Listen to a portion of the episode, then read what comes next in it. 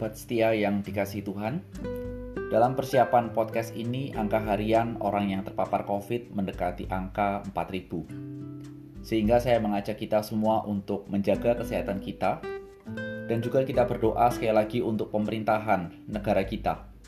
Dan secara khusus kita berdoa untuk tenaga medis. Kiranya Tuhan sekali lagi memberikan kesehatan kepada mereka semua dan kekuatan di tengah-tengah segala upaya yang dilakukan untuk menghadapi pandemi ini. Dalam kesempatan ini saya juga menyambut Ibu Janet yang menjadi pendengar setia SS Podcast. Kiranya Tuhan memimpin perkuliahan Ibu sampai selesai. Sobat setia yang dikasih Tuhan, dalam episode yang ke-34 ini, saya memberikan judul untuk podcast kita adalah Dengarkanlah Dia terambil dari Lukas pasal yang ke-9 ayat 28 sampai dengan ayat yang ke-36.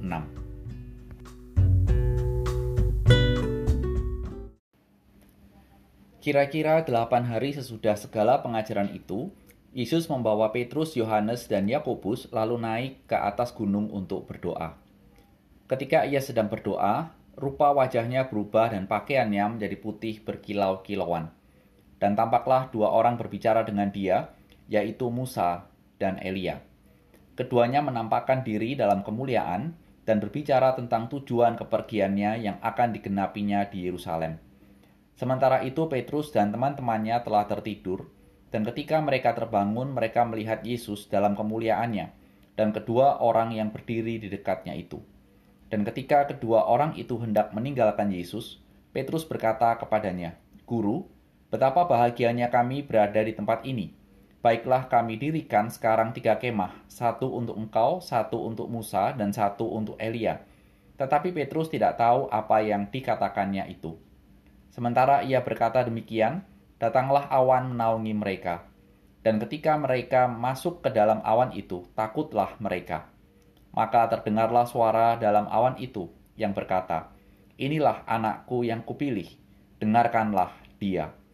Ketika suara itu terdengar, nampaklah Yesus tinggal seorang diri, dan murid-murid itu merahasiakannya, dan pada masa itu mereka tidak menceritakan kepada siapa pun apa yang telah mereka lihat itu.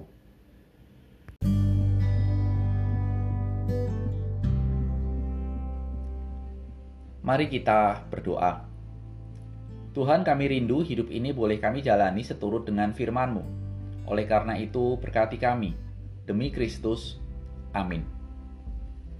Sobat setia SS Podcast, ide pembuatan podcast ini adalah untuk meresponi terjadinya pandemi COVID-19 yang membuat anak-anak Tuhan, secara khusus mahasiswa FON, tidak bisa berkumpul seminggu sekali untuk melakukan devosi bersama. Sehingga berharap melalui podcast ini, kerohanian mereka tetap mendapat asupan yang diperlukan dan pemilihan materi untuk podcast secara cepat saya putuskan untuk membahas Injil Lukas. Kalau ditanya mengapa, karena saya paling suka membaca Injil Lukas dibandingkan dengan Injil yang lainnya. Apakah mungkin karena nama saya Lukas dalam bahasa Indonesia? Tapi bukan itu sobat setia yang menjadi alasan. Tetapi gaya bahasa yang ada dalam Injil Lukas membuat saya lebih senang, lebih menikmati ketika membaca cerita Kristus dalam Injil dibanding dengan Injil-Injil yang lain. Dan menurut saya sendiri, ini adalah pendapat pribadi, saya lebih menguasai materi dalam Injil Lukas dibandingkan dengan materi-materi dalam Injil yang lain. Namun melewati pasal demi pasal, saya bergumul. Ternyata tidak mudah dan tidak seperti yang saya bayangkan. Ini susah, tidak gampang, khususnya menuliskan naskah podcast dengan durasi kurang lebih 10 menit sangat sulit. Belum lagi memikirkan bagaimana menyederhanakan pesan, pengertiannya, pemahaman, serta aplikasi untuk setiap pendengar sobat setia. Sampai dengan pasal yang ke-9, saya berpikir keras. Ini bagian yang sangat sulit, bagian yang tidak mudah. Dan saya memikirkan apa yang mau disampaikan dan bagaimana penerapannya. Karena bagian ini adalah pasal yang boleh dikatakan sentral di dalam Injil Lukas. Karena menyebut dan berbicara tentang Kristus, Mesias. Apalagi sekarang kita masuk dalam bagian transfigurasi Kristus. Aduh, susahnya bukan main. saya bergumul, saya menyiapkan, saya memikirkan. Namun sekali lagi sobat setia, saya coba untuk menyederhanakan bagian ini dengan mengajak kita untuk melihat fokus kepada identitas Tuhan Yesus yang memang secara khusus di dalam Injil Lukas sangat disorot. Tetapi khususnya di pasal 9, Lukas benar-benar menyoroti, mengangkat tentang who is Christ, siapa Tuhan, dan itu nyata dalam bagian ini. Mari kita melihat sejenak dan mengingat rangkaian yang ada dalam pasal 9 ini. Setelah Herodes mempertanyakan siapa Kristus, kemudian Tuhan Yesus juga bertanya kepada murid-muridnya tentang siapa dirinya. Dari dua sudut pandang, menurut orang banyak dan menurut pribadi murid-murid.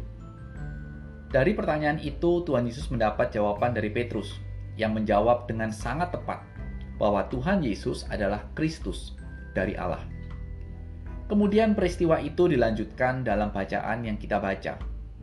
Delapan hari kemudian dikatakan Yesus mengajak mereka berdoa, dan yang diajak hanya tiga muridnya. Namun tiga murid itu tertidur ketika Tuhan Yesus berdoa. Kita tidak tahu apa yang membuat mereka tertidur. Tetapi ketika mereka terbangun, Petrus mengenali bahwa ada dua pribadi yang ada bersama-sama dengan Tuhan Yesus, yaitu Musa dan Elia. Seakan-akan peristiwa ini memberikan suatu penegasan bahwa kalau kata orang Tuhan Yesus itu mungkin Elia atau nabi-nabi dahulu yang bangkit, sekarang jelas bahwa Tuhan Yesus bukanlah seperti kata orang. Tuhan Yesus adalah benar-benar Mesias, Kristus dari Allah. Itu pesan yang muncul dalam bagian ini. Oke, kita mungkin mikir, oke oke, sekarang Tuhan Yesus adalah Mesias dari Allah. Lalu kita berpikir, mungkin so what? Suatu pertanyaan yang sering dikumandangkan oleh anak-anak kaum milenial. Kalau kita mengetahui sesuatu, so what? Pertanyaan ini menjadi sebuah pertanyaan yang menarik. Karena pertanyaan ini dijawab di dalam ayat 35. Bahwa dikatakan, inilah anakku. Dan kemudian ada satu kata perintah, yaitu dengarkanlah dia. Menarik bukan, sobat setia? Jawaban berkaitan dengan pemikiran dari kaum milenial, so what? Ini menjadi sebuah bagian yang menarik bagi kita semua. Karena perintah mendengar juga muncul ternyata dalam ulangan pasal yang ke-6. Ketika Allah mengatakan kepada Israel, Israel harus mendengar dan melakukan yang Allah perintahkan kepada mereka. Sampai di sini, kita mempelajari satu hal. Ternyata mendengar menjadi kata yang Allah inginkan untuk dihidupi oleh umatnya. Dan tentunya mendengar itu adalah mendengarkan firman Tuhan di dalam bagian ini, kita bisa memahami, mendengarkan apa yang Kristus ajarkan. Sobat setia yang dikasih Tuhan di mana pun sobat setia berada, mari pikirkan dan renungkan untuk menutup podcast kita. Sebagai anak Tuhan, apa yang selama ini kita dengarkan sehingga membentuk pola pikir, perilaku, dan kehidupan kita? Firman Tuhankah? atau ajaran dari dunia. Kiranya Tuhan memberikan kepada setiap kita telinga yang benar-benar mau mendengar ajaran Kristus. Amin.